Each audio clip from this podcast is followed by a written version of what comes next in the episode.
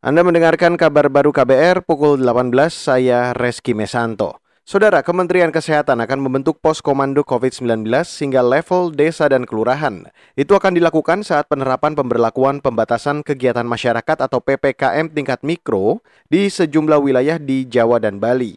Juru bicara Kementerian Kesehatan Siti Nadia Tarmizi mengatakan bakal memperkuat 3T, yaitu pengetesan, pelacakan, dan perawatan saat PPKM Mikro 9 hingga 22 Februari 2021 dan kita akan fokus rasanya di 98 kabupaten kota di uh, provinsi Jawa dan Bali ya ada tujuh provinsi di situ di mana nanti untuk proses uh, pelacakan kasus ini harus sudah bisa kita lakukan pelacakannya kurang dari 72 jam dari kasus kontak yang positif. Jadi kita sudah harus bisa melakukan identifikasi, isolasi ataupun uh, karantina dari kasus kontak yang sudah uh, kita temukan dalam waktu kurang 72 jam ini tadi. Siti Nadia Tarmizi menambahkan, Kemenkes juga akan memperbanyak tes pada kasus kontak maupun suspek corona, yakni setiap satu kasus positif akan ada 30 orang yang dites.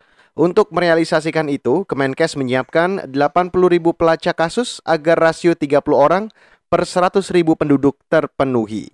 Beralih ke informasi selanjutnya, Saudara, tingkat kepuasan publik terhadap Presiden Joko Widodo turun lebih dari 5 persen pada tahun ini dibanding tahun sebelumnya, yakni 62 persen lebih pada tahun ini, sedangkan tahun lalu di angka 69 persen lebih. Mengutip cnnindonesia.com, angka ini terendah sejak 2016. Hasil survei ini dilakukan Lembaga Survei Indikator Politik Indonesia pada 1 hingga 3 Februari 2021. Survei dilakukan pada 1.200 responden di 34 provinsi dengan tingkat toleransi kesalahan 2,9 persen, sementara tingkat kepercayaan mencapai 95 persen. Direktur Eksekutif Indikator Politik Indonesia Burhanuddin Mutadi mengingatkan, kepuasan publik bisa saja terus menurun jika tidak ada tindak lanjut dari Jokowi, terutama terkait penanganan pandemi COVID-19.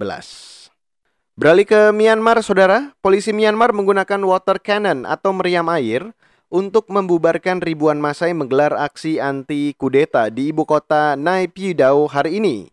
Mengutip Reuters, penggunaan meriam air kali ini merupakan yang pertama sejak aksi protes tiga hari terakhir. Beberapa pengunjuk rasa mengalami luka-luka terkena tembakan air. Polisi mulai berhenti menembakkan meriam air setelah pendemo mengajukan banding. Masa dari sejumlah elemen masyarakat melakukan aksi mogok nasional menuntut pembebasan pemimpin de facto Aung San Suu Kyi dan mengakhiri kudeta serta mengembalikan demokrasi di Myanmar. Dan saudara demikian kabar baru pukul 18 saya Reski Mesanto.